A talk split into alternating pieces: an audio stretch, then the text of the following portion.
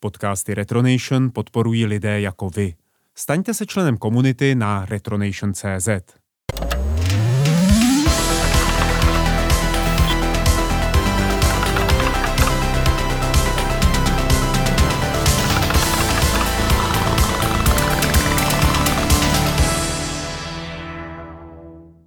Zdravím vás, milí posluchači, vítám vás u dalšího Wolfcastu. Moje jméno je Martin Vaňo a vítám tady i našeho technologického guru Michala Rybku, a.k.a. Wolfa. Ahoj, Wolfe. Ahoj. Dneska budeme pokračovat v našem tématu mikrokontrolerů, drobných, nenápadných eh, mikročipů, které se vyskytují úplně ve všem kolem nás. Posledně jsme se bavili o nějakých jejich, eh, řekněme, historii, technologických východiskách, k čemu se používají a tak dále. A dnes si projedeme nějaké konkrétní aplikace, nějaké konkrétní uh, typy technologií, takže se do toho pustíme. Takže tady se dostáváme už k vlastním příkladům. Eh, určitě se musíme pozastavit u Intelu, protože jak jsem říkal, Intel první mikroprocesor 4004 se dá považovat jak za první mikroprocesor, tak vlastně za první mikrokontroler, tak trochu. jsme Intel se do toho pustil velmi rychle a začal vytvářet celý řady, eh, řady mikrokontrolérů. Eh, Existuje několik rodin. Každá ta rodina e, má vlastní označení a typicky se vyznačují tím, že mají podobnou architekturu, podobný binární kód, ale liší se v detailech. Takže máme třeba MCS 48, což je 80486 rodina, MCS 51, což je 8051 rodina. A ty obsahují různé varianty, který se dají rozeznat. Když máš jakoby hodný klíč, tak jsi schopen zjistit, který obsahují paměť EPROM, který obsahují paměť flash a tak dále. Dá se to podle toho dekodovat. Plus uh, jsou rodiny, které jsou 8-bitové, jsou rodiny, které jsou 16-bitové, 20-bitové, takže ty si musíš vybírat velice, velice přesně, eh, jak, jak vlastně funguje a co chceš mít. Uh, ten asi nejzákladnější procesor, kterým to celý začalo, je Intel 8085 z roku 1976, což je procesor, který se stále ještě považuje za zcela plnohodnotný procesor, ne za mikrokontrolér ale má některé rysy, které dali vzniknout eh, rodině eh, MCS 85.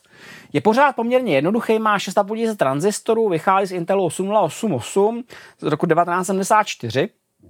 Dostal dvě instrukce navíc, ale to, co je důležité, je, že vyžaduje mnohem menší počet podpůrných oborů, aby fungoval a jako napájení vyžaduje pouze 5 V. 8088 je takový ten rozmazlený čip, který ještě žádal plus 5, minus 5 a plus 12 V. Docela složitý napájení, ten, ten má jenom plus 5 a to je veliký, veliký pokrok směrem dopředu. Nevýhodou je, že má multiplexovanou adresovou datovou sběrnici. To znamená, že AD0 a AD7, datový, datová sběrnice, sdílí část adresové sběrnice, která se nedá používat najednou. Což má své výhody, své nevýhody. Zabírá to méně místa na desce, ale není to pinově kompatibilní s 8.0.8.0 a je to méně výkonný.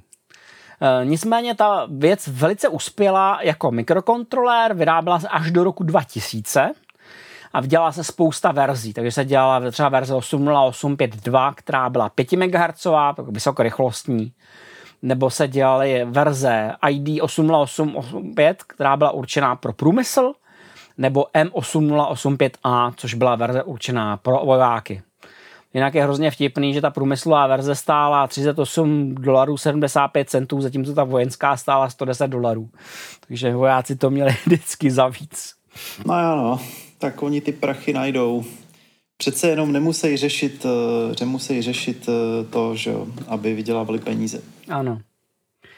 Eh, potom přichází v roce 1976 první opravdu dedikovaný mikrokontroler Intel 80486, který patří do rodiny MCS 48 a to je skutečně první dedikovaná rodina mikrokontrolérů.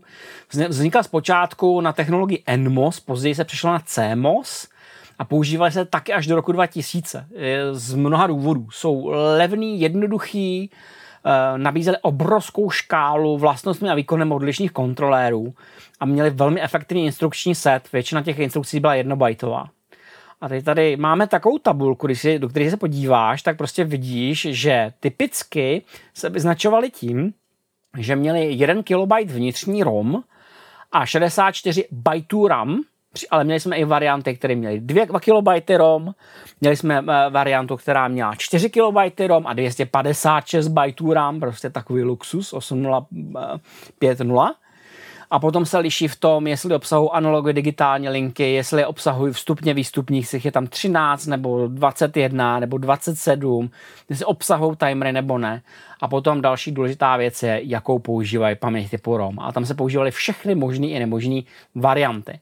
Takže jaký je mezi tím rozdíl? Tak typicky pro ty velké série mikrokontrolerů se používala klasická paměť ROM, což je typický řešení pro velkosériový, který se vyrábí maskou. To znamená, že ta paměť ROM se už přímo vyrábí i s tím čipem. Dodá se, dodá se výrobci eh, kód, který to má obsahovat, ten vytvoří masku a celý to vyleptá i, i s tím kódem, prostě hotovo. Sakum prásk, je to hardcore, má to dlouhotánskou životnost, to velice spolehlivé, ale nesmíš to mít ty chyby.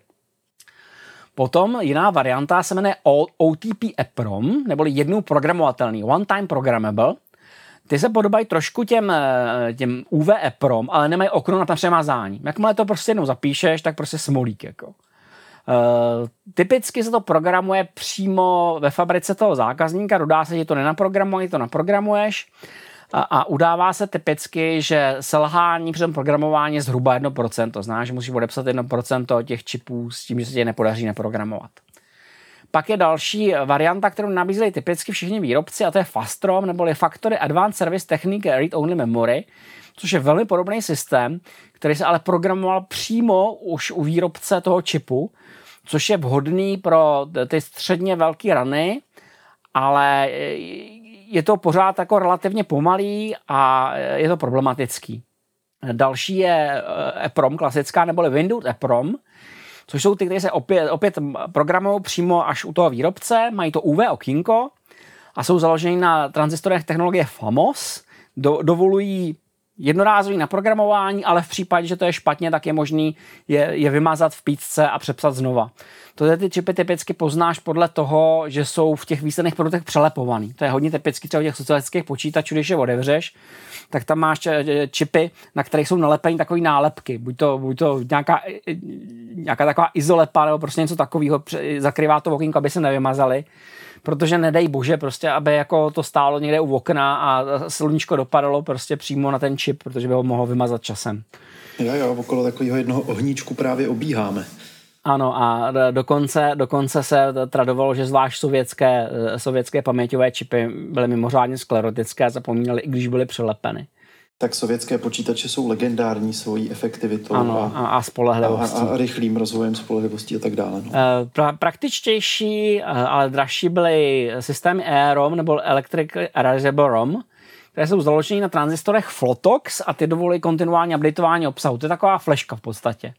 Ty můžeš po okamžiku, kdy se ti chce přepsat eh, firmware toho kontroléru, napsat novej, zapsat ho něj a, a, a jet praktický, ale nákladný, ale nechceš to vždycky. A v mnoha případech to prostě nedává smysl, abys použil takhle, technolo- takhle technologii, třeba u, u, u mikrovlnky, že jo, prostě proč. Uh, další varianta je piggybacking, což je uh, varianta mikrokontroléru, který má na sobě patici, kam zasuneš jeho vlastní romku.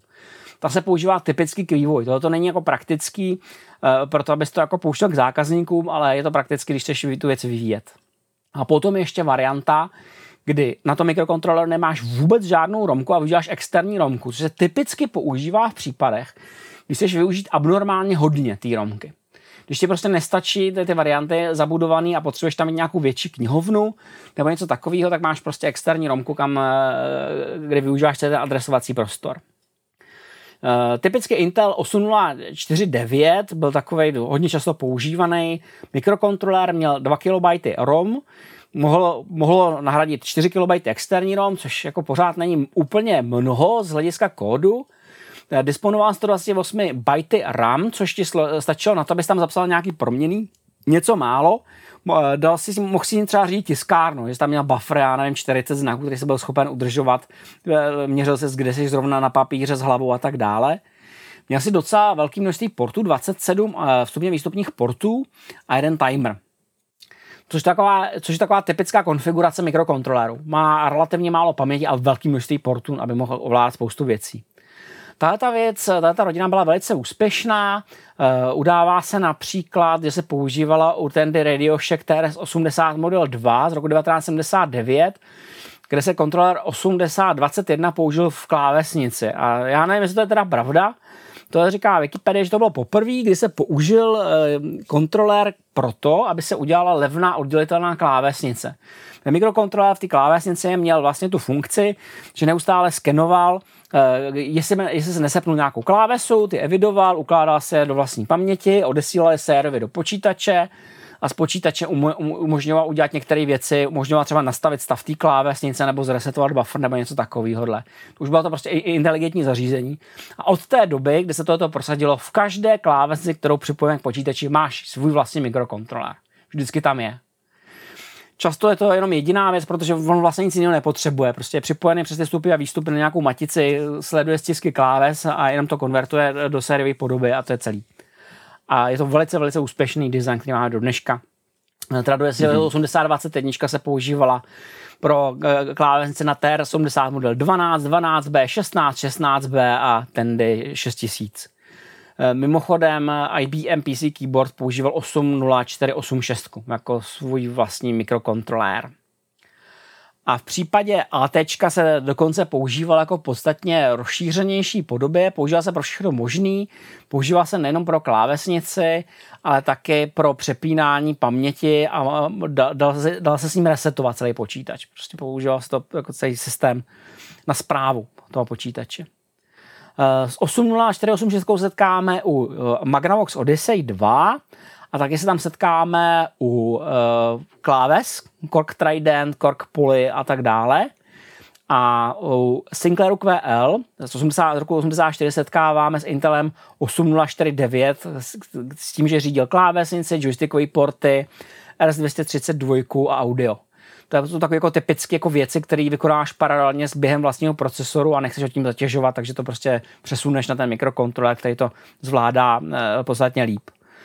Mimochodem, eh, to je ten moment, kdy jako přechází ze systému, který používá jeden procesor na všechno a který používá koprocesor, je ten moment, kdy si všimne, že tvůj počítač nezapomíná stisky kláves.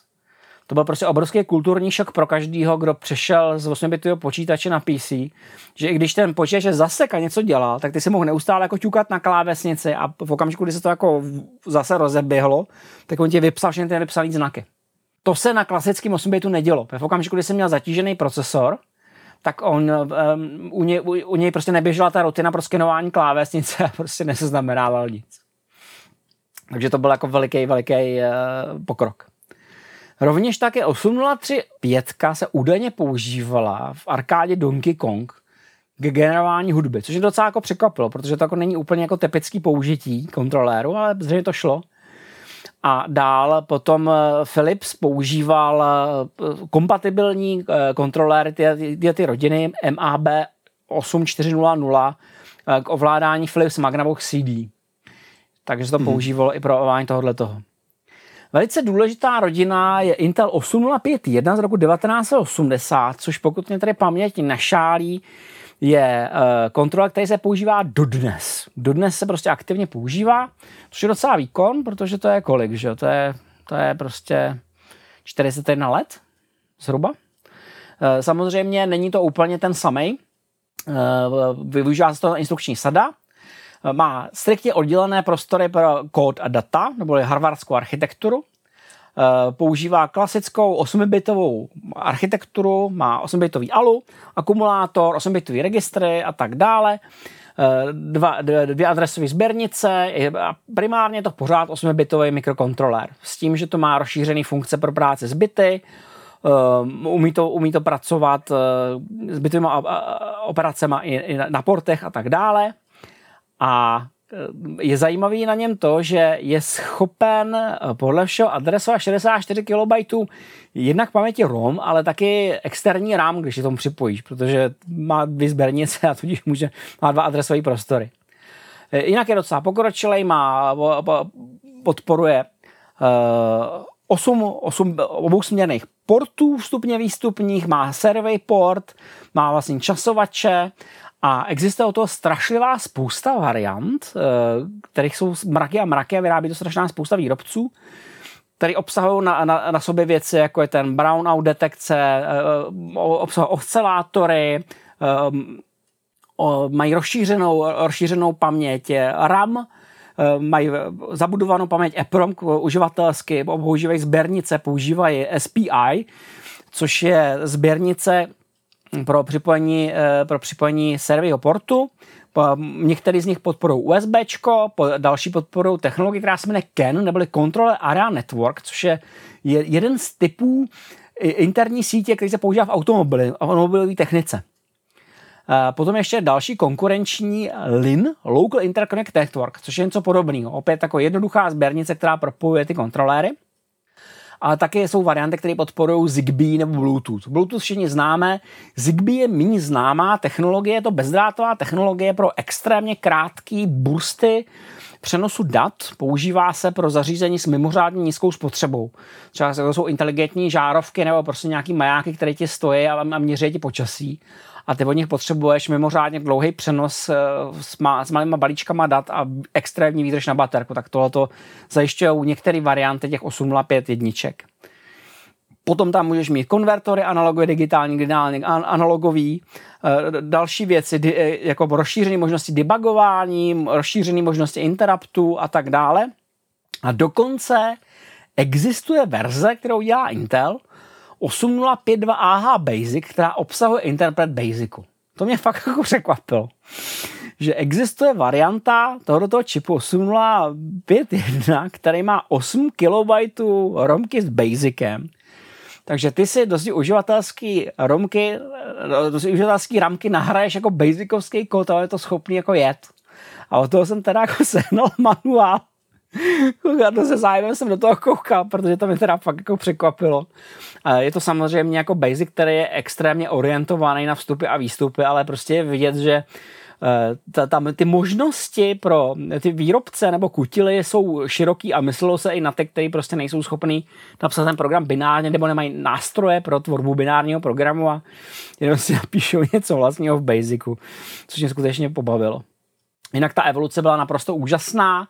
Podstatě se začalo eh, původně s tím, že to mělo původně 12 MHz a použilo to 12 cyklů na instrukci, což znamenalo, že to mělo výkon 1 milion instrukcí vyžadujících jeden cyklus nebo půl milionu těch, které vyžadovali jako dvojitou složitost. Dneska, ty dnešní verze, eh, vyžadují jeden cyklus na jakoukoliv instrukci a běží až na 450 MHz. To znamená, že mají výkon až 450 milionů instrukcí za sekundu což je obrovský nárůst. 450 krát. Ale v eh, principu je to stále 8 bit. A to je hrozně zajímavý, že i ty paměti to má málo, takže ty máš jakoby extrémně nabůstovaný 8 bit, ale s možnostmi, které jako nejsou paměťově o moc lepší než dřív. A ty vlastně, když k tomu potřebuješ dodat nějakou funkčnost navíc, tak to děláš tak, že tomu přidáš obvody navíc. Takže existuje třeba verze, která má vlastní DSP, který slouží pro dekodování MP3 a Vorbis. Takže ty můžeš mít mikrokontrolér, který obsahuje velice jednoduchý 8-bitový řízení, kterým ovládáš, já nevím, zobrazování jména skladby, skákání dopředu, skákání dozadu, nějakou logiku zeznamenávání věcí na flešku, ale to vlastní dekodování toho audia dělá DSP, 8 bit to prostě není schopen utáhnout softwaru. A od té velice úspěšné rodiny vznikla nebo odvozená rodina 16-bitová, eh, která se jmenuje MCS 151 v roce 1996 a v tom samém roce vznikla i rodina MCS 251, která je 8, 16 a 32 bitová. Takže prostě instrukční set, jiný délky registrů, eh, nekoneční možnosti, musíš si vybrat přesně takový kontrol, jaký potřebuješ. Což je jako docela crazy. Eh, mimochodem se musíme pozastavit právě u eh, těch jednotlivých sběrnic. Jak jsem říkal, existují sběrnice, které se používají automobilismu ale existuje jedna velice důležitá sběrnice, která se jmenuje I2C, nebo Inter Integrated Circuit. A tu navrhl Philips Semiconductor v roce 1982. A je extrémně důležitá sběrnice pro sériovou komunikaci na desce. Je navržená tak, že používá minimum linek, je velice pomalá, ale cenově velice efektivní a slouží v podstatě pro systémovou vnitřní zprávu. Ta přenosová rychlost je mimořádně malá, Začal se standardní rychlostí 100 kilobitů za sekundu, ty rozšíření mají 400 kilobitů, 1 megabit a ty úplně nejlepší mají asi 5 megabitů.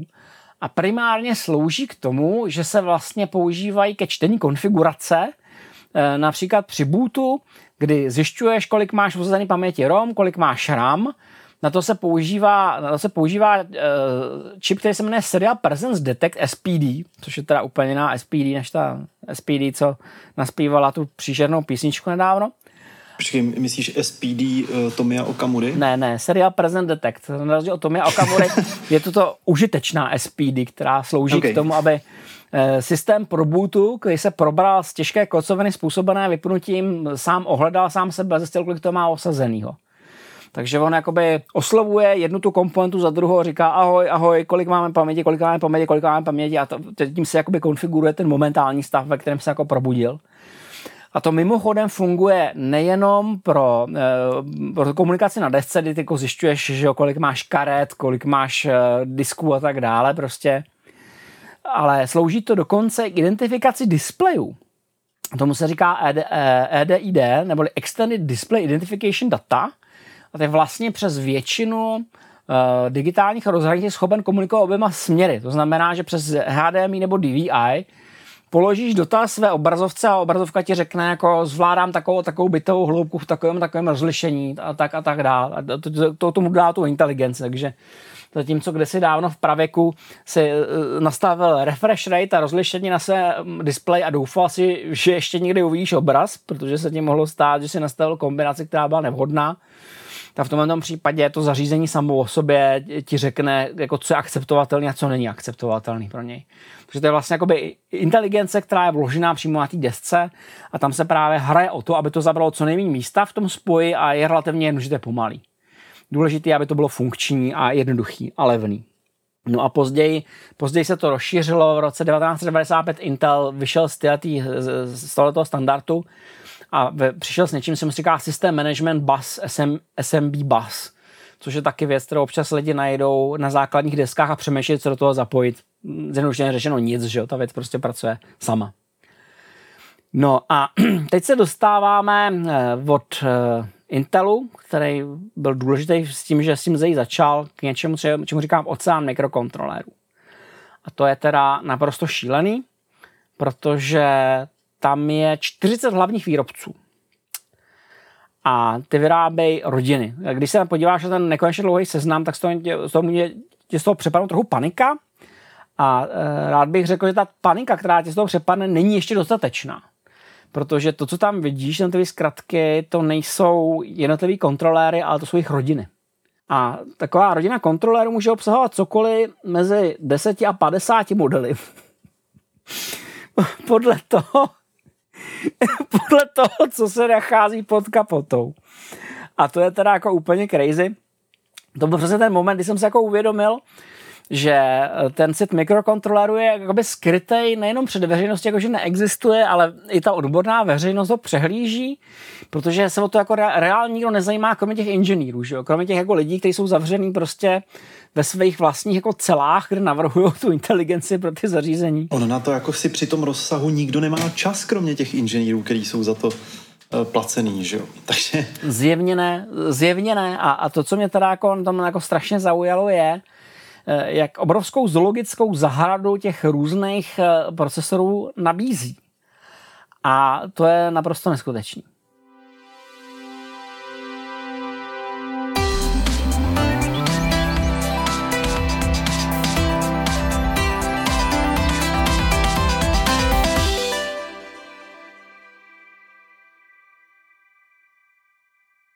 Oceán mikrokontrolérů, který tady máme, je naprosto neuvěřitelný. To, co je na něm zajímavé, je, že ti výrobci se navzájem kupují, licencují si, protože tohle je gigantický trh. Jak jsme se bavili posledně, odhaduje se, že za pár let tam bude mít 30 miliard mikrokontrolérů ročně, což je jako veliký objem. To, co je strašně zajímavé, je, že oni nabízí paralelně celou řadu rodin, který se liší eh, často jádrem. Takže typicky tam máme něco, co je odvozeného z 8051, je to opravdu jednoduchý 8 bit, který má k sobě doplněnou nějakou komplexní logiku, ale můžeme tam najít i věci, které jsou odvozené z Motorola 6800, to, to se zastavíme u Freescale procesoru, a taky ARM. ARM je hodně častý. Ty architektury ARM jsou hodně častý a dokonce tady můžeme najít i architekturu jako je RISC-V. Nevím, jestli slyšel o RISC-V. RISC-V je poměrně nový systém, je to jakoby otevřený systém instrukcí, není, není jako úplně zadarmo, ale dovoluje ti, dovoluje ti vyvíjet si vlastní procesory s vlastní logikou, Zatímco u toho, uh, zatímco u toho ARMu máš poměrně komplikovaný vyjednávání o licencích, tak u toho Risk 5 si prostě uh, můžeš upravovat ty věci sám a udržovat si, udržovat si uh, udržovat si jak je chceš. A existuje teda jako gigantické množství. Takže o Alteru jsme se bavili, Altera už dneska neexistuje, byla odkoupená. Potom máme další společnost, která se jmenuje Analog Devices, která nabízí jako celou, eh, celou sérii, eh, eh, celou sérii mikrokontrolerů založenou na ARMu 7 a, a podobně. A potom je velice důležitý Atmel, což je, což teda byla společnost, která byla v roce 2016 odprodaná Microchip Technology a která je zajímavá tím, že vyrábí gigantické množství populárních mikrokontrolerů. Já, když jsem se koukal do toho nekonečného seznamu mikrokontrolérů, tak jsem si nakonec našel článek, který pojednával o deseti mikrokontrolérech, které jsou uh, oblíbený mezi vývojáři dneska. A docela dost jich je od Atmelu, konkrétně tři z těch deseti jsou od Atmelu, takže se o nich pozastavíme. Eh, Atmel má celou řadu rodin. AT89 je založená právě na té architektuře Intel 8051. Eh, potom máme další, které jsou založeny na ARM architektuře a 23-bitový AVR architektuře. Eh, velmi oblíbený mezi vývojáři je AT Mega 328, což je jeden z nejmenších, ale nejpopulárnějších. Používá se v Arduino, Arduino Uno a na noho používá. Je to 8-bitový risk. To je, přiznám se, věc, která mě zpočátku zarazila, než jsem si uvědomil, že vlastně původní ARM 1 byl vlastně taky jako v podstatě navržen jako 8 bit. Není to úplná kombinace jako myšlenek, která by ti jako napadla, že máš 8 bitový procesor na architektuře. Eh, s tím, že obsahuje 32 KB flash paměti, běží na 20 MHz a má 2 KB SRAM. Máme, 20, eh, máme 23 portů, eh, máme tam 6-kanálový 10-bitový analogodigitální konvertor a je to takový relativně malý čip. Je strašně zajímavý, když se na to člověk dívá, tak jakoby, já bych vůbec neřekl, že to je procesor. Vypadá to prostě jako takový malý švábík, který jsem viděl na stack deskách pořád a v podstatě nebýt toho, že tam bylo napsaný Atmel, tak bych vůbec neřekl, že to je procesor. A je to maličký, ale pořád to ještě není nejmenší.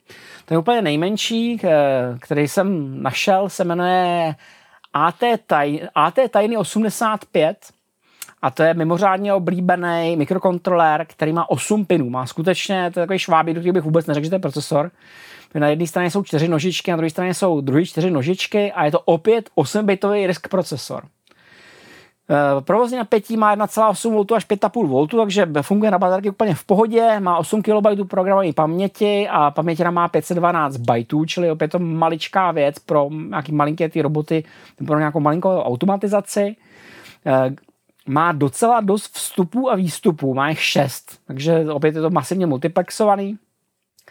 Eh, maximální kmitočet je 20 MHz, obsahuje docela pokročilý komunikační protokol, I2C, SPI a USAR, tak o jsme se bavili, čili není to hloupý. Jako, to, co je strašně zajímavé je, že přestože to je malý a moc programu se do toho nedá dostat a s tím kódem jsou docela potíže, tak eh, to vybavení jako vůbec není špatný, vstupně výstupní. Mimochodem, když se člověk hraje s Arduinem, tak to je jedna z věcí, který si všimne, že pokud ten kód není napsaný dobře, tak jako je relativně snadný udělat out jako z paměti, že to prostě nevejde toho zařízení. A to, když si děláš nějaký jako poměrně jednoduchý automatizace. A třetí z těch populárních je AT Mega A32U4, což je uh, výkonnější, výkonnější procesor, opět je to 8 bit, založený na architektuře RISC, má 32 KB flash paměti, 2,5 KB SRAM a zajímavé je tím, že podporuje USB 2.0. To znamená, že se dá jakoby snadno připojit k počítači, Eh, obsahuje, eh, obsahuje JTAG, o kterém se ještě budeme bavit, obsahuje 12 kanál, 10-bitový a analogové digitální konverter, takže se dá používat různými způsoby, dá se s tím ovládat nějaký eh, motorky a tak dále. A důležitá je tam právě podpora USB 2.0. A je velmi populární a objevil se na celých řadě desek, objevil se na Arduino Beetle, Arduino Pro Micro, Arduino Leonardo a na jeho klonech. Další významný výrobce je Cypress Semiconductor, kterého se mi teda podařilo dohledat to, že se zaměřuje hlavně na ty, na ty jádra typu ARM, ARM Cortex M0, M3, Eh, další máme Elan Micro, Microelectronic Corporation, která vyrábí celou řadu, eh, řadu procesorů. Eh, potom máme Epson Semiconductor. Epson Semiconductor vyrábí všechny možné verze. Vyrábí 4-bitovou rodinu, 8-bitovou rodinu, 16-bitovou rodinu, 20-bitovou rodinu. Vyber si, co chceš. Další Espressive System, což je čínská firma založená v Šangaji a je zajímavá tím, že Oni vyrábějí poměrně pokročilé mikrokontroléry, které obsahují kompletní podporu Wi-Fi, včetně síťové podpory, což je jako docela unikátní. Takže to je něco, co se dá ovládat pomocí Wi-Fi. Velmi populární je ESP8266, což je 32-bitový RISC procesor, který je založen na eh, Tensilica Xtenza Diamond Standard 106 a běží na 80 MHz. Tohle už není ořezávátko. Tohle už je jako docela jako zajímavý procesor, který obsahuje kompletně integrovanou Wi-Fi a Bluetooth a kompletní eh, implementaci TCP IP, to je to dá teoreticky přes internet.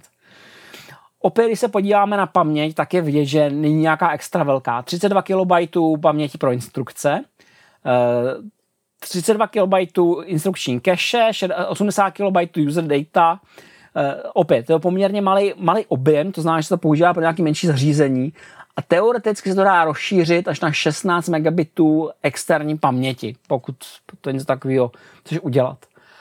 A velký množství vstupů a výstupů, kompletní podpora pro e, zabezpečení síťový, to znamená podporuje to web i VPA, VPA2, e, můžeš to používat bez problémů a je to prostě docela nabušený čip, který používáš na zřízení ovládání Wi-Fi.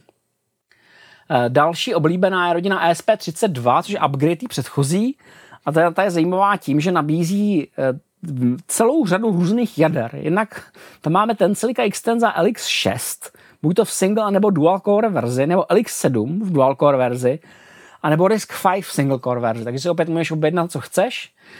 Um, našel jsem podání specifikaci k té dual core verzi uh, na, na, na LX6 a to teda funguje na 160 nebo 240 MHz, což je docela dost a je to ultra low power procesor. Obsahuje teda už 520 KB SRAM, docela dost, opět máme tady Wi-Fi, máme tady Bluetooth, máme tady, velký, máme tady velkou podporu pro dotykové senzory, to znamená, že můžeš použít jako dotykovou obrazovku, e, velké množství eh, sběrnic 4 SPI, 2 I2C, 2 I2S, Eh, podporu pro eh, MNC karty, takže tam je možný ukládat nějaký data, podporu pro Ethernet, podporu pro CAN bus, eh, opět dá se použít v autech, podporu pro ovládání motoru, pro ovládání ledek, detektor, pro Hallův efekt, je, je to strašně nabušený. Dokonce to má i funkce zabezpečení. Podporuje to Secure Boot, podporuje to kódování flashe, to kryptografii AS, SH2 RSA Elliptic Curve kryptografie ECC, což znamená, že se díváme na opravdu jako výkonný procesor v podstatě v jednom balíčku. To znamená, že tady už se dá dělat jako něco hodně, hodně složitýho. Já si myslím, že ta implementace vaření kafe byla jako velice jednoduchá. Tady, tady podle mě by si jako můžeš jako nalogovat přes internet a dát tomu bezpečný příklad, kde uvařilo kafe. Že tady tohle to je podle mě něco, na čem už jsi schopen realisticky postavit třeba jako, jako diskovou stanici. Prostě nějakou, nějaký vlastní si na to můžeš postavit. Tohle už fakt jako není žádný čajček, tohle je prostě jako výkonný procesor a přitom oni to nabízejí prostě eh, v téhle variantě. Podle mě to je možná overkill, možná, prostě, možná to je jenom jako nějaká množina těch všech možných funkcí, protože si myslím, že toto všechno nemůžeš potřebovat najednou. Jako. Když ovládat auto, tak asi nepotřebuješ, no, do, no možná potřebuješ dotykový displej. Další významný výrobce je Freescale Semiconductor, což eh, je výrobce, který převzal věci, které vyráběla Motorola a konkrétně eh, konkrétně převzal od ní tu architekturu MC68HC, což jsou jakoby nástupci legendární Motorola 68000, které jsou upravené do podoby e, CMOS, žerou strašně málo a používají se, používají se pro kapesní počítače, pro kalkulačky, pro všechno možné. Eh, třeba Texas Instrument tam dělal takový ty inteligentní kalkulačky, zatím malovali grafy. protože ten procesor je prostě výkonný jak prase, jako to je v podstatě něco, co poháněl Amigu, že jo.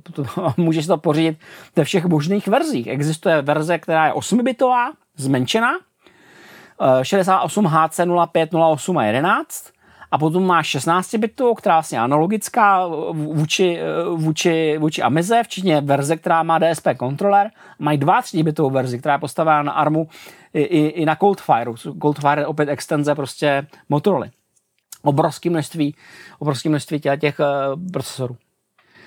Další významný výrobce je Holtek, což je tajvanský výrobce 20-bitových mikrokontrolérů a podobných. Kouká se na to opět v gigantickém množství všech možných, prostě orientuje se na telekomunikaci, na ovládání LCD, vstupy, výstupy, eh, mraky a mraky prostě různých kontrolérů. Hyperstone nabízí svůj vlastní RISC mikroprocesor. Infineon. Infineon je velice známá, známý výrobce, který hraje velkou roli v podstatě v průmyslu, v automotiv, eh, u výroby strojů a tak dále. A opět nabízí celou řadu všech možných a nemožných eh, mikrokontrolérů. Jednak je to XC800, což je 8 bit založený na 8051. Neustále se vracíme k tomu Intelu 8051. V okamžiku, kdy se to jako naučil pro to vyvíjet, tak podle mě práci najdeš i dneska prostě pořád. A opět eh, jsou tady verze, které jsou určené pro automobilismus a pro průmysl, které se podle mě liší právě tím, co to jakoby vydrží eh, ty čipy, jak, jaký mají odolnosti v teplotách a tak dále. Pak mají 16-bitovou uh, rodinu, která nabízí celou řadu dalších čipů a 2 bitový, které jsou založeny na ARMech. V podstatě v okamžiku, kdy se dostaneš k těm výkonným, tak se dostaneš k ARMu. To znamená, že prostě používáš čipy, které jsou velmi podobné těm, které používají mobilní telefony dneska.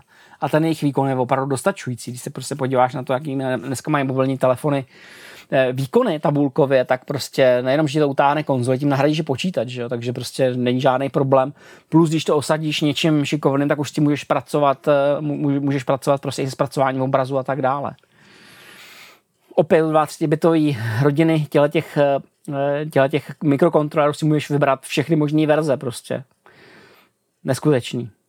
Lattice Semiconductor další, Maxim Integrated další, Microchip Technology, to je velmi významný, který nabízí uh, různorodé architektury, opět 8-bitovou, která se jmenuje PIC Micro, uh, PIC 10, PIC 12, u jednoho se pozastavíme, pak mají 16-bitovou uh, rodinu a 20-bitovou rodinu, která je založená na architektuře MIPS 32 což je prostě opět architektura, která před 20 lety patřila mezi serverové architektury, čili jako velice výkonný architektury. A dneska to máš prostě sražený prostě do jednoho prdítka, který ti je schopný uh, řídit nějaký zařízení. Uh, jeden z těch populárních mikrokontrolérů, který byl jmenovaný v tom článku, se jmenuje PIC 16 F877A a je označený jako jeden z nejpopulárnějších 8-bitových mikrokontrolérů který je sice poměrně starý, ale jeho úspěšnost údajně je v tom, nejsem vývojář.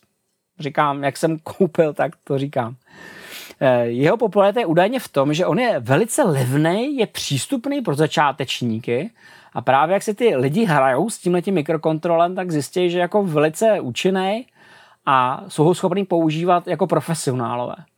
Takže tak trochu jako naladíš, rozhodíš tu udičku mezi ty amatéry, kteří se s tím hrajou a potom najednou ty lidi na tom dělají spoustu věcí. Přitom jako je to podle všeho poměrně malý čip, má pět portů, což je dostačující počet, eh, pracuje mezi dvěma volty až 5,5 volty, paráda.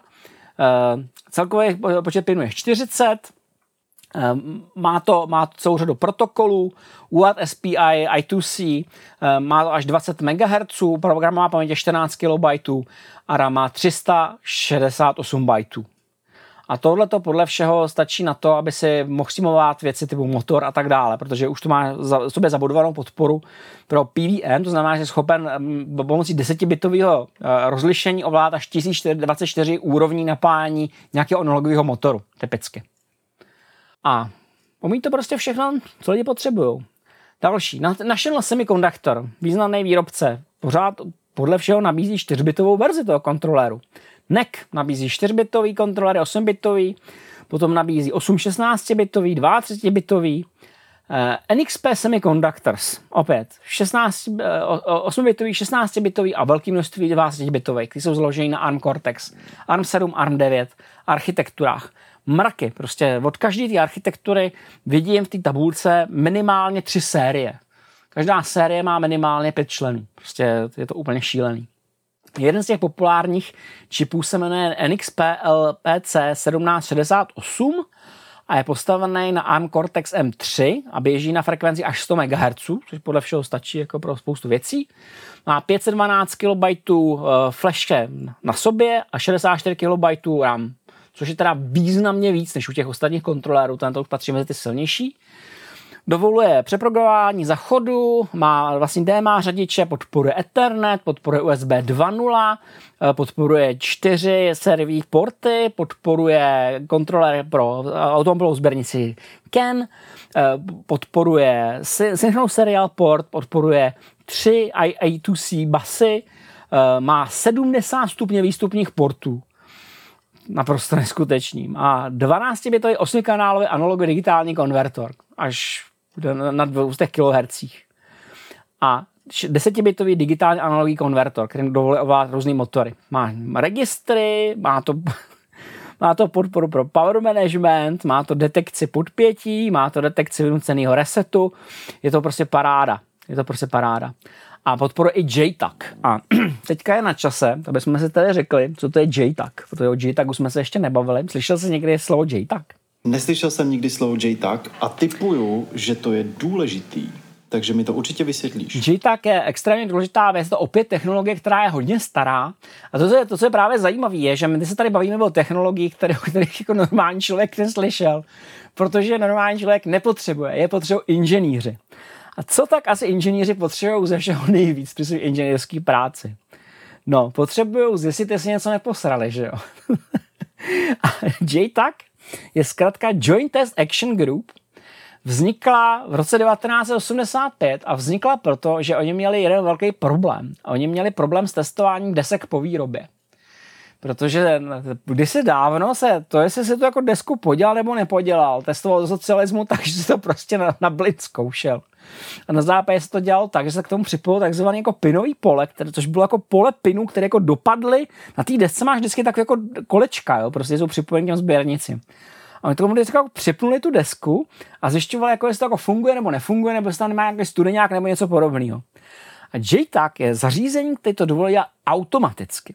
Ono funguje tak, že máš vlastně eh, na, na ty, eh, roztaženou další sběrnici po desce, která má přesně čtyři vodiče, TDO, TDI, eh, TCK a TMS. A to jsou vlastně vodiče, který jeden ti tam posílá data, druhý ti čte data, třetí je hodinový řízení a potom select control. A ty vlastně propojíš všechny čipy podporující JTAG. A ten JTAG je jakoby boční procesor, který je mimo tu základní funkčnost a ten slouží k tomu, aby dělal primárně něco, čemu se říká boundary checking.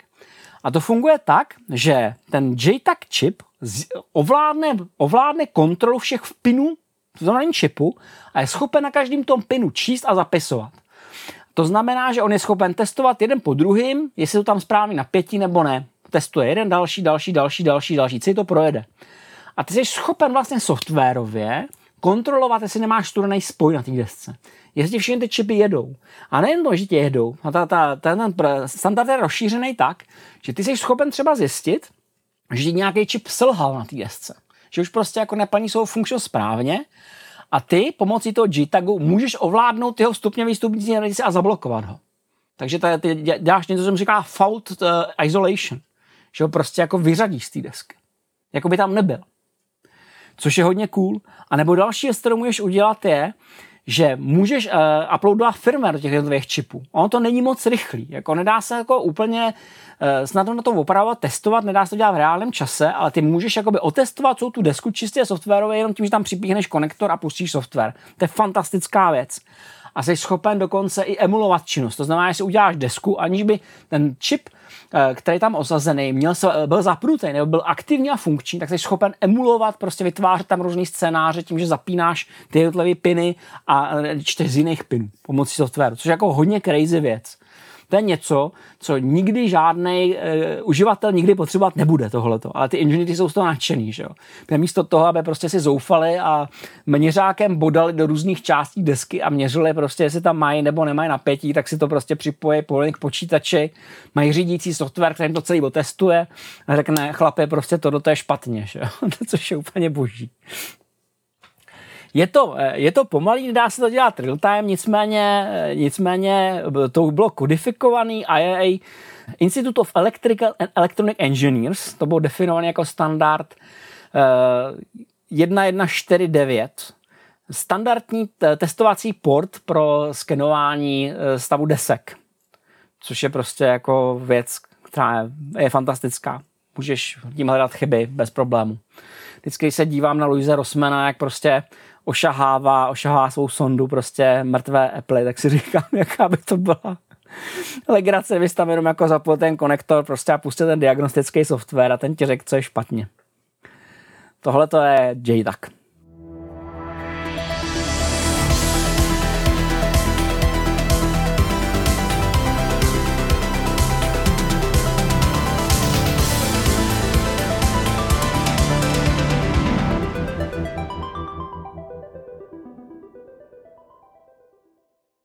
Milí posluchači, rád bych vás upozornil na to, že tenhle podcast a vlastně všechny podcasty z Retronation.cz vznikají díky vaší podpoře na serveru Patreon. Eh, ty příspěvky nám pomáhají eh, v produkci a každý člen naší komunity získává unikátní obsah, který není veřejně dostupný.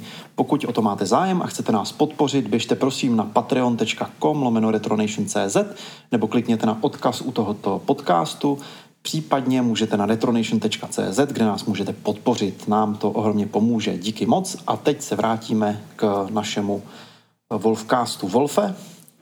No, a potom tady máme další výrobce. Máme uh, Novoton Technology, opět nabízí 8-bitový, pořád stále populární, 805.1 kompatibilní čipy, ARM kompatibilní 20-bitový typy, Panasonic nabízí 4-bitový, 8-bitový, 16-bitový, 20-bitový, mraky rodin. Parallax nabízí také velké množství prostě všech možných i nemožných eh, eh, kontrolérů. Rabbit Semiconductor, to je hrozně zajímavý, protože u Rabbit Semiconductor se mi podařilo objevit, že oni nabízí eh, kontroléry Rabbit 2000, které jsou založené na Z80, Zilog Z80, my všechny známe, to pohánilo ZX Spectrum, to pohánilo Amstrad, to byl velice, velice populární procesor v 80. letech. Ale Rabbit Semiconductor je založený na tom samém, akorát jako je to pětkrát rychlejší, má to vylepšený instrukční set, takže teoreticky zřejmě, kdo by chtěl, mohl by si postavit své vlastně super spektrum prostě na, na Rabbit 2000. Eh, Renaissance Electronic je strašně důležitý výrobce, je to společný joint venture mezi Hitachi, Mitsubishi a Nekem, který vyrábí největší počet mikrokontrolérů na celém světě. Na jaře vyhořela nějaká továrna, což se zřejmě podílí na té krizi, kterou, která do dneška stále vládne, na tom nedostatku automobilových čipů když se podíváš na ten seznam, tak zase vidíš, prostě nabízí úplně všechno. Nabízí 4-bitový kontrolery, 8-bitový, 16-bitový, 20-bitový v celé škále různých uh, systémů. Tam to není jako jedna architektura. Ty můžeš vybrat prostě si 20 bit s takovou, takovou architekturou, protože ho potřebuji na to a na to a chci tohle, tohle, tohle. Prostě je to naprosto masakr. Uh, Red Pine, uh, Rockwell, dneska se to Rockwell Semiconductor dneska se jmenuje Semiconductor Connexant a ten vytvořil celou, eh, celou sérii mikrokontrolů založených na 6502. 6502 známé, to pohánělo uh, Commodore, pohánělo to Atari, 8-bitový eh, a pohánělo to i Bendra, že? když si vzpomeneš prostě na Futuramu, jako tam rengenovali, že ho má 6502. Jo. No, no, no, to je jeden fora. Vysvětlil tohle, co, že má hlavně 6502. no tak Rockwell právě nabízí celou řadu řadu eh, kontrolérů R6501, 6511 a tak dále, ty jsou založeny na tom principu, takže opět i ty lidi, kteří ovládají 6502 eh, binárky, můžou si vybrat ten, tenhle ten kontrolér prostě, pokud se jim to vyhovuje z nějakého důvodu. Silicon Laboratories, další výrobce, opět nabízí řadu 8-bitových, 8051, prostě já se nemůžu pomoct, já jsem z toho trochu napráš, si vezmeš, jak je to strašně stará architektura prostě, ale jsou upravený tak, že tyhle těch 8-bitový kompatibilní mikrokontroléry mají 50 až 100 MIPS. Prostě to je to nejnabušenější 8 bit, který snad kdy existoval. Prostě to je úplně crazy. Prostě. A nabízí samozřejmě, pokud ti nestačí super rychlý 8 bit, tak ti nabízí 32 bity uh, ARM Cortex, opět zase velice, velice výkonný. Silicon Motion prostě nabízí gigantické množství kontrolerů, to já nebudu vyjmenovat. Některé jsou určený pro práci s obrazem, některé jsou uh, určený pro automobily, pro mobilní grafiku, pro, pro zpracování obrazu. Každý z nich má prostě něco navíc, prostě jsou tam věci jako podpora, podpora otisku, detekce, analýzy otisku prstů, podpora GPS prostě a, ta, a takovýhle věci prostě to už, jako, to už jsou prostě čipy, které používáš, já nevím, pro, pro nějaké inteligentní dveře prostě, nebo něco takového prostě, takže opět si můžeš vybrat. Překvapivě i Sony vyrábí své vlastní systém on the chipy. Dokonce ten SPC 700 údajně byl použit jako audioprocesor pro SNES, což mě teda jako zaráží, prej jo. A e, ten SPC 700 je vlastně 8-bitový CPUčko plus 16-bitový DSPčko a 64 kg RAM na 1 MHz. Já se přiznám, že to teda slyším poprvé, docela mě zajímalo, jestli to je pravda. Nabízí samozřejmě, že vyšší řady, 900, 970 a tak dále. Uh, Espension, což eh, je firma, která vyrábí mikrokontrolery původně od Fujitsu, tak používají prostě opět jejich rodiny. 8-bitová, 16-bitová rodina, RISC 32 rodina, 30-bitový RISC procesory s very, very large word, Cortex M3, Cortex M4, Cortex R4 prostě. Opět výkonová škála, jakou si bereš. STM Microelectronics nabízí velké množství 8 bity, 16 bity, 20 bity, velmi podobný. Zase prostě můžeš si vybrat architekturu, kterou chceš.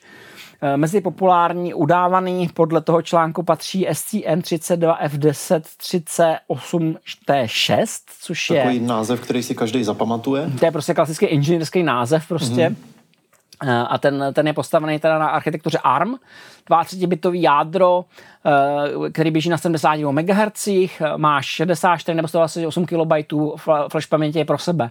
Opět, opakuje se stejný princip, který tady neustále opakuju. Malý prostor pro ten kód, 20 KB RAM, ten čip je výkonný jak blázen, ale máš relativně malé množství místa pro ten svůj kód, takže je to určený pro něco jednorázového. Neuděláš z toho reálný počítač prostě. Hmm. Můžeš s tím jenom něco velice rychle ovládat, má to velké množství rozhraní, takže opět můžeš něco někam směřovat, můžeš prostě ním něco řídit a tak dále.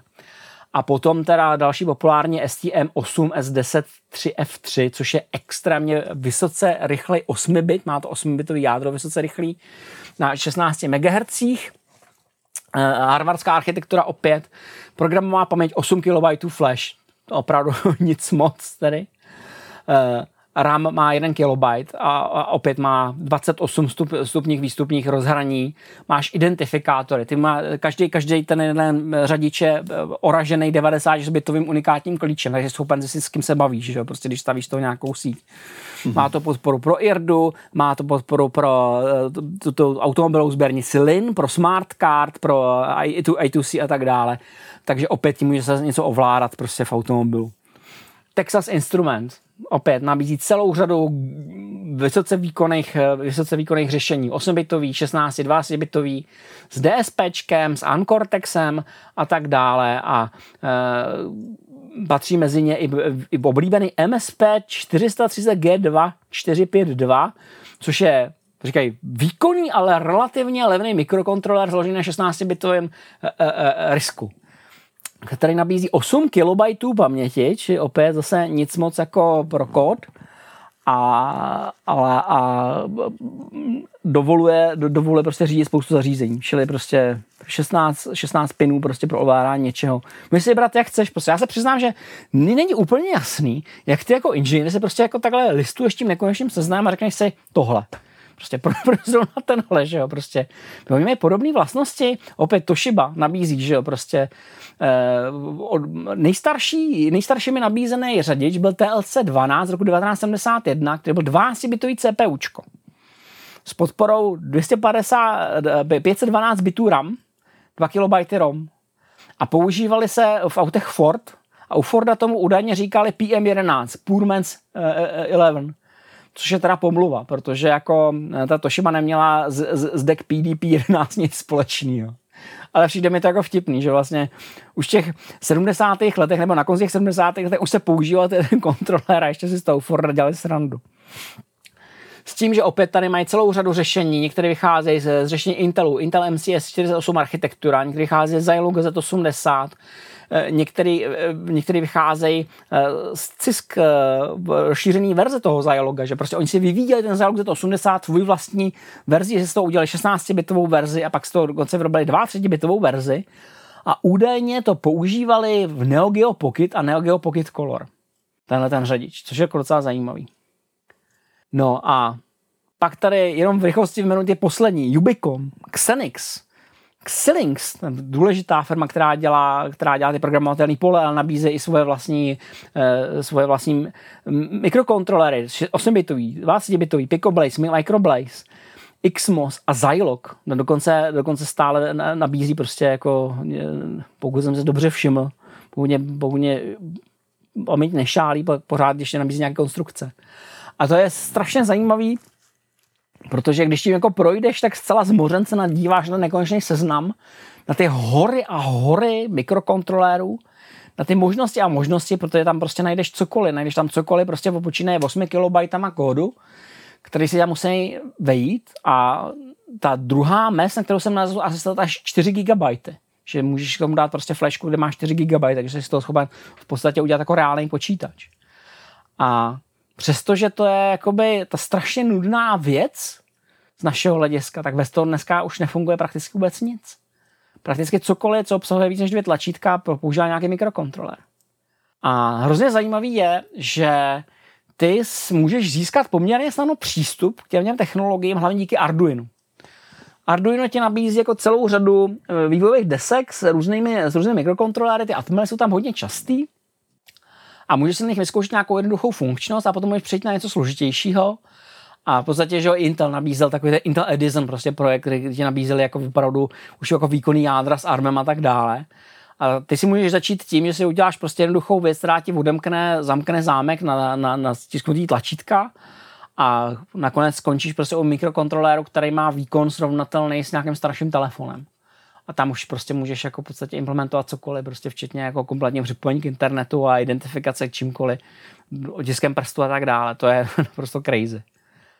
A hrozně mě překvapilo, kolik těch architektur vlastně vychází z těch retro technologií. Takže ty vlastně ty můžeš aplikovat nějaké svoje znalosti, které jsem měl prostě ještě před 20 lety a na to, že vyvážíš nějakou binárku. Prostě podle mého názoru to je asi, asi jako ideální řešení právě pro ty starší programátory, kteří chtějí, aby se jim jako něco hejbalo takzvaně. Že můžou přejít na ty mikrokontroléry a tam vyvíjet ten kompaktní kód, protože to se pořád tam jako nosí.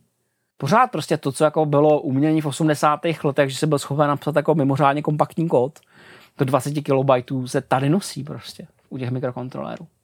No, ne, nejenom tam e, existuje uh, vlastně demíčkářská scéna, že jo, kdy vlastně ty si na uh, 8 bitech zkoušel udělat co nejhezčí program v těch, já nevím, 64 KB, který dělá nějaký vizuály a nějakou hudbu.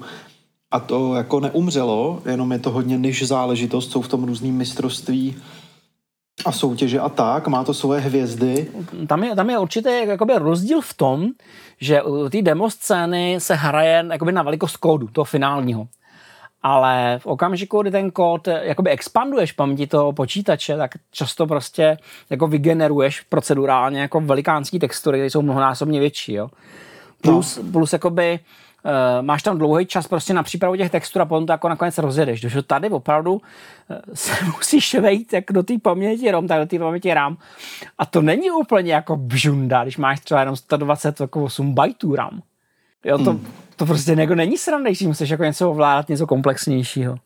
Protože jako ono, ono se to dělá, že jo, v okamžiku, kdy potřebuješ prostě pět proměných a máš celých 120 bajtů RAM prostě, ale co když jich potřebuješ mít třeba 50, že jo, už je to podstatně těžší. Hmm. A přitom, jako když se podíváš na ty instrukční sady, tak jako ty instrukční sady jsou strašně zajímavý, protože ty jakoby nejjednodušší procesory jako nejsou nic složitýho, tam, tam nejsou žádné jako pokročilé triky sčítání, odečítání, přesun, skopírování, prostě vynulování, prostě něco takového. To prostě není, to, to, to nejsou jako žádný jako nějaký jako komplikovaný instrukce. Já jsem jinak, mě to nedalo a jak jsi říkal, že eh, jak se v tom ty inženýři vyznají, tak ehm, zřejmě se v tom vyznají tak, že to dělají celý život a jak hledají ty produkty, které vlastně chtějí. Tak já jsem si tady našel, lehce jsem pogooglil a našel jsem microcontrollershop.com hmm. a to je nějaký web z roku 1994 podle jakoby toho, jak vypadá, nebo spíš 2004. A já si na něm připadám jako v drogerii, jo, že vlastně je tady spousta, obrovská hromada zboží, který já vůbec nevím, co to jako je, k čemu to slouží, kde mám hledat tu jednu blbinku, kterou potřebuju a vlastně se bojím zeptat uh, bojím zeptat prodavačky, protože nevím, jestli vůbec budu uh, ovládat to lingo, aby mi jako poslala prostě tam, kam já potřebuju. A bojí se Takže... to, že, pro, že prodavačka je, je fanatik přes Linux a odkáže tě na diskuzní fórum? No, přesně. Tak když tady koukám do bestsellerů, tak první věc, která, tak jsou to samozřejmě různý ty programa, programovací jakoby sady, nebo, um, nebo jak to říct, prostě nějaký, nějaká věc, která to naprogramuje. A první, co je opravdu jako ship, tak je 8051 lomeno AVR lomeno PIC Experimental no. Board.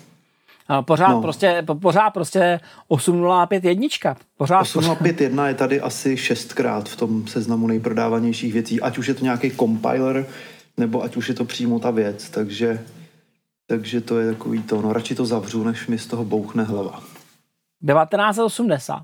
To je architektura z roku 1980. 41 let stará.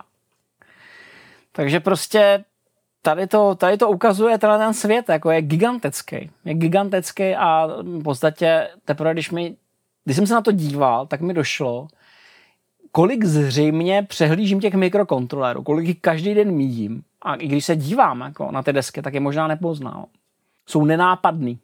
Mně ještě, jak jsme se vlastně xkrát došli na to, že uh, retro uh, je nejenom cool, ale může, teda může být cool, ale zároveň je to nějaká přežívající jako znalosti těch lidí, kteří najednou dneska mají úplně nový uplatnění.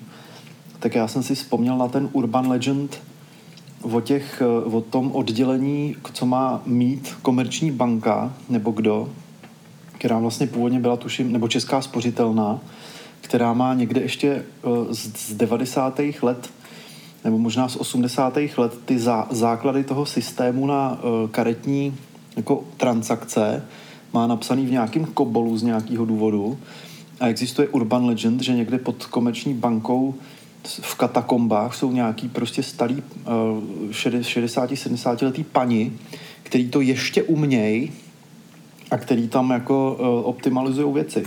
Ale víš co, on kobol jako není těžký se naučit prostě, to jako není jako žádná věda, ale obsluhovat ten kód. No obsluhovat ten kód je problém, protože jako kobole patří mezi ukecaný jazyky, jako to je něco jako prostě basic, ale prostě problém je v tom, že když máš udržovat něčí kód, tak musíš chápat, o čem ten kód je. A no, tam bude největší problém v tom, že prostě se v tom vyzná jenom jako ten, kdo k tomu má blízko, protože to, to nebude jako jednoduchý. Jako tady, tady na těch mikrokontrolech je prima to, že jako oni ti dávají těch 20 KB paměti pro ten tvůj kód, tak tady se jako nemůžeš moc roztáhnout křídla, že takže takže než vývojový to nástroj. nějak rozluštíš. A, a dekompiluješ to prostě do toho symbolického jazyka, případně se zveš nějaký nástroj, tak asi bude docela dost, jako budeš jako tušit. Ale zase potřebuješ mít jako celou tu věc, protože v, v okamžiku, když jako nevidíš, co je k, ke kterému pinu připojení, to nebude dávat smysl. Jako ty, ty kódy budou prostě celý o tom, jako že prostě budeš jako neustále jako bombardovat ty vstupy a výstupy, jako nějaký hodnoty a to je celý, to je všechno. Takže ty potřebuješ, hmm. potřebuješ jako celou tu fyzickou věc a nějakou k ní dokumentaci, abys jako měl představu, co to vlastně doopravdy dělá. Je to, to jako analyzovat, ten, ten kód podle mě nejde analyzovat na dálku, aniž bys jako tušil, jak je to opravdu reálně zapojený v tom zařízení. No, toto jak eh, se Stuxnatem, že jo, který taky koloval leta letoucí internetem a všichni o něm věděli, akorát nevěděli, co dělá, protože měl nějaký strojový instrukce, který prostě nevíš, co dělají, protože nevíš, jak vypadá ten stroj a pak to najednou v Iránu zjistili. No v, okam, v okamžiku, kdy prostě většina toho kódu je o tom, že přistupuješ na porty a sypeš tam jedničky, jako tak nemáš šanci no. prostě vydedukovat jako ani jako z disassemblovaného no. kódu, jako o co kráčí protože musíš, musíš vidět tu architekturu, jak je udělána. A jinak, jak jsi říkal o tom, jak ten svět je rozsáhlý a komplexní, tak si myslím, že to odpovídá tomu, jak moc jsou ty technologie všudy přítomný. Hmm. A hezky to ilustruje vlastně komplexnost eh, moderního světa, jo? že i ty jako člověk, který vlastně těm technologiím rozumí hrozně moc, tak si vlastně doteďka netušil. A ta komplexnost moderního světa je vlastně něco, co eh, dneska paradoxně uh, táhne lidi k potřebě po nějakým jednoduchým uh, řešení, jednoduchým vysvětlení, na který nemusíš studovat celý život, abys ho vlastně vůbec jako formuloval tu otázku, co máš jako za problém. Jo? A klasicky se to projevuje teda teďka, že jo, u těch vakcín, kdy lidi mají tendence tomu nevěřit, protože prostě ten proces toho co to vlastně dělá, jak to vzniká a jak to jako funguje, tak složitý, že nemáš prostě šanci. A ty mikrokontrolery, to nechci teďka srovnávat, ale přijde mi, že to je podobný, jo? že ten... Já, by, já bych řekl, že tady, jako že tady je určitý rozdíl v tom, já, tom, já tomu říkám potopený svět tomuhle tomu, jo? že to je prostě něco jako jako, eh, jako ta severní část Alexandrie, která se ocitla pod mořem a ty jako sice víš, že tam jako je, ale nějaký ignoruješ, protože nemá v tvém životě roli. Prostě ty proto nevidíš, že? ty prostě vidíš ty mhm. věci, no. ty lesklý, zářivý, eh, výkonný grafické karty, zahnutý monitory, výkonný procesory, ale to, že pravděpodobně v každém tom monitoru máš tři takovýhle jako brouky, které ti tam jako řeší věci typu, že ti vypisují menu, na kterém si nastavuješ profily, protože tam musíš mít, jako v každém inteligentním monitoru, musíš mít kontrolér prostě a e, že zajišťují věci, jako je komunikace o protokolu se sovládacím softwarem, který máš v PC, díky čemu si jako na PC otevřeš ten panel nástrojů a můžeš si mít jas na tom monitoru. To nejde, jako bez, no. až bys tam neměl přes nový protokol. Jako. No jasně, a tebe to jako no, koncového uživatele nezajímá, že jo? Tebe zajímá ano. prostě svítivost, úhel, prostě kolik to má jakoby poměr stran, prostě rastr toho zobrazení a tak dále, ale prostě, že jsou tam nějaký jako malý mrchy, který to všechno jako tomu pomáhá, aby to fungovalo, to prostě může být úplně jedno, protože na, proč bys to jako zjišťoval. No a úplně nej, nej, nejvíc, eh, jako nejméně viditelný jsou samozřejmě věci, které máš třeba v hubech, že jo, prostě jako každý hub jako vyjednává, když do něj strčíš kabel, tak prostě tam začíná docházet k vyjednávání mezi těma zařízeníma. A o tom nevíš samozřejmě vůbec nic. Pro tebe to je prostě drát. Dobře. No já myslím, že, já myslím, že už jsme pomalu na konci, už tady diskutujeme, takže bych to asi ukončil.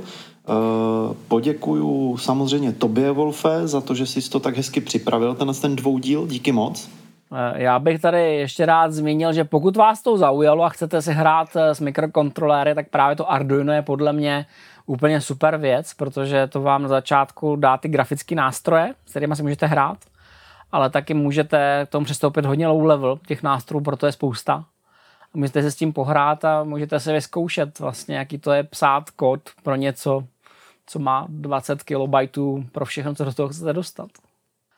A může to být jako docela zajímavá zábava pro ty, kteří třeba nemají přístup jako pro k retro hardwareu a chtějí se jenom vyzkoušet, jaký to je dělat něco pro to něco takhle limitovaného. Takže pokud o to máte zájem, tak neváhejte, podívejte se na Arduino, podle, podle mě vás to může bavit, existují takové ty různé sady, si můžete stavit, že jo, nějaké své zapojení. A popra, když vás to začne bavit, tak kdo ví, třeba s tím budete i živit.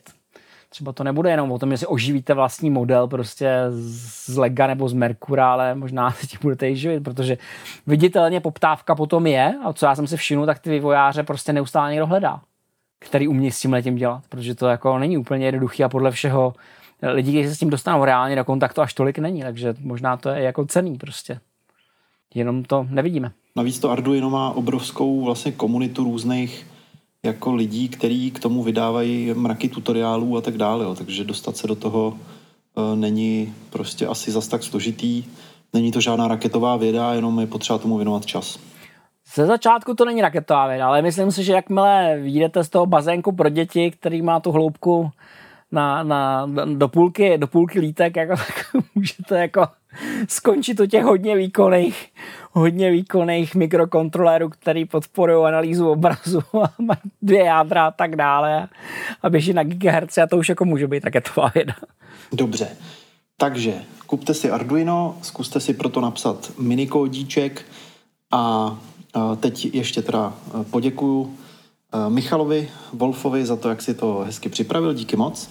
Já vám všem děkuji za pozornost. A já vám taky děkuji za pozornost a budu se na vás těšit u dalšího Wolfcastu. Mějte se hezky. Naschranou. Naschranou.